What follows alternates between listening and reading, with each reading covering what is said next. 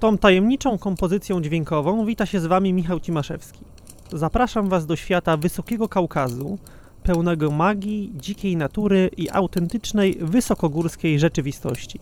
Dzisiejszym kierunkiem naszej wędrówki jest najbardziej odcięty cywilizacyjnie region Gruzji Tuszetia.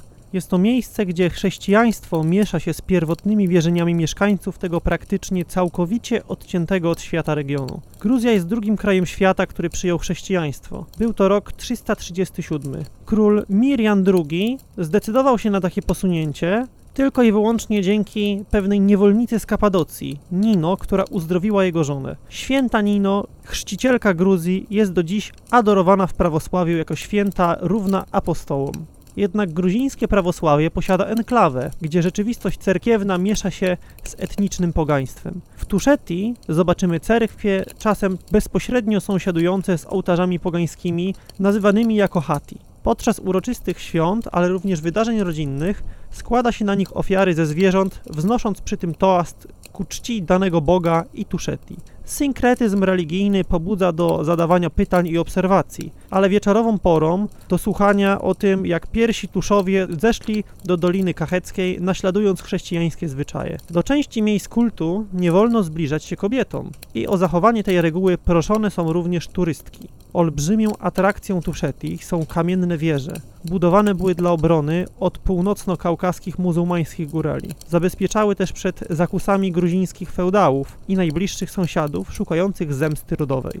Baszty te, wzniesione w średniowieczu, w kilku miejscach przetrwały do dziś, innymi w miejscowości Dartlo czy Omalo. Zabudowa wiejska z największą miejscowością Omalo charakteryzuje się gęstą zabudową małych kamiennych domków z drewnianymi balkonami. Ostatnie liczenie ludności Omalo miało miejsce w 2014 roku i ostatecznie wyniosło zaledwie 37 mieszkańców. Co ważne, region znajduje się w dużej mierze powyżej 2000 metrów nad poziomem morza, dlatego zima jak i jesień to czas praktycznie całkowicie uniemożliwiający codzienne życie. Czas letni rozpoczyna się pod koniec maja i kończy się na początku września, gdzie wszyscy tuszeccy pasterze sprowadzają stada owiec do sąsiedniego regionu Kacheti. W okresie zimowym Omalo zamieszkuje jedna rodzina, która za pomocą helikoptera otrzymuje zapasy dające możliwość przeżycia w tych skrajnie nieprzyjaznych warunkach. Jednak tuszecki region jest również rekordzistą, przede wszystkim pod względem wysokości. Wieś Boczorna leży na 2345 metrów nad poziomem morza. Gdyby korzystać z nomenklatury uznającej Gruzję za kraniec Europy, jest to najwyżej położona stale zamieszkana wieś w Europie. Ta urzekająca tuszecka wioska liczy zaledwie jednego mieszkańca. Tuszetia jako święty region rygorystycznie podchodzi do całkowitego zakazu hodowli trzody chlewnej oraz permanentnego zakazu spożywania mięsa wieprzowego. Co ciekawe, sami mieszkańcy poza regionem chętnie spożywają wyroby wieprzowe, jednak w górskiej świętej enklawie zakaz ten dotyczy nie tylko mieszkańców, ale również turystów. Niestety, ze względu na warunki atmosferyczne, musimy powoli opuszczać ten magiczny region. Jednak sam powrót to również niesamowite przeżycie, całkowicie unikalne dla tuszeckiej natury. Do regionu można dostać się wyłącznie drogą, która otwarta jest od maja do października i prowadzi przez położoną na wysokości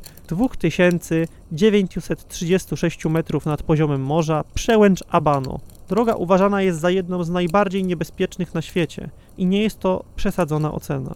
Jest ona doskonale znana, bowiem pojawiała się w materiałach przygotowanych przez BBC czy National Geographic. Prawie 70 km drogi, na które potrzeba od 5 do 8 godzin w warunkach sprzyjających podróży, wymaga również samochodu z napędem na cztery koła wraz z reduktorem. Jeżeli już uda nam się przedostać przez przełęcz Abano, trafiamy na najciekawszy element drogi, jakim są przydrożne cmentarze z popiersiami zabitych w wypadkach kierowców, pasażerów czy pasterzy, którzy popełnili o jeden błąd za dużo. Dojeżdżamy do końca. Wita nas Kachetia, region pełen winnic, ciepłego klimatu i charakterystycznej gruzińskiej kultury prawosławnej.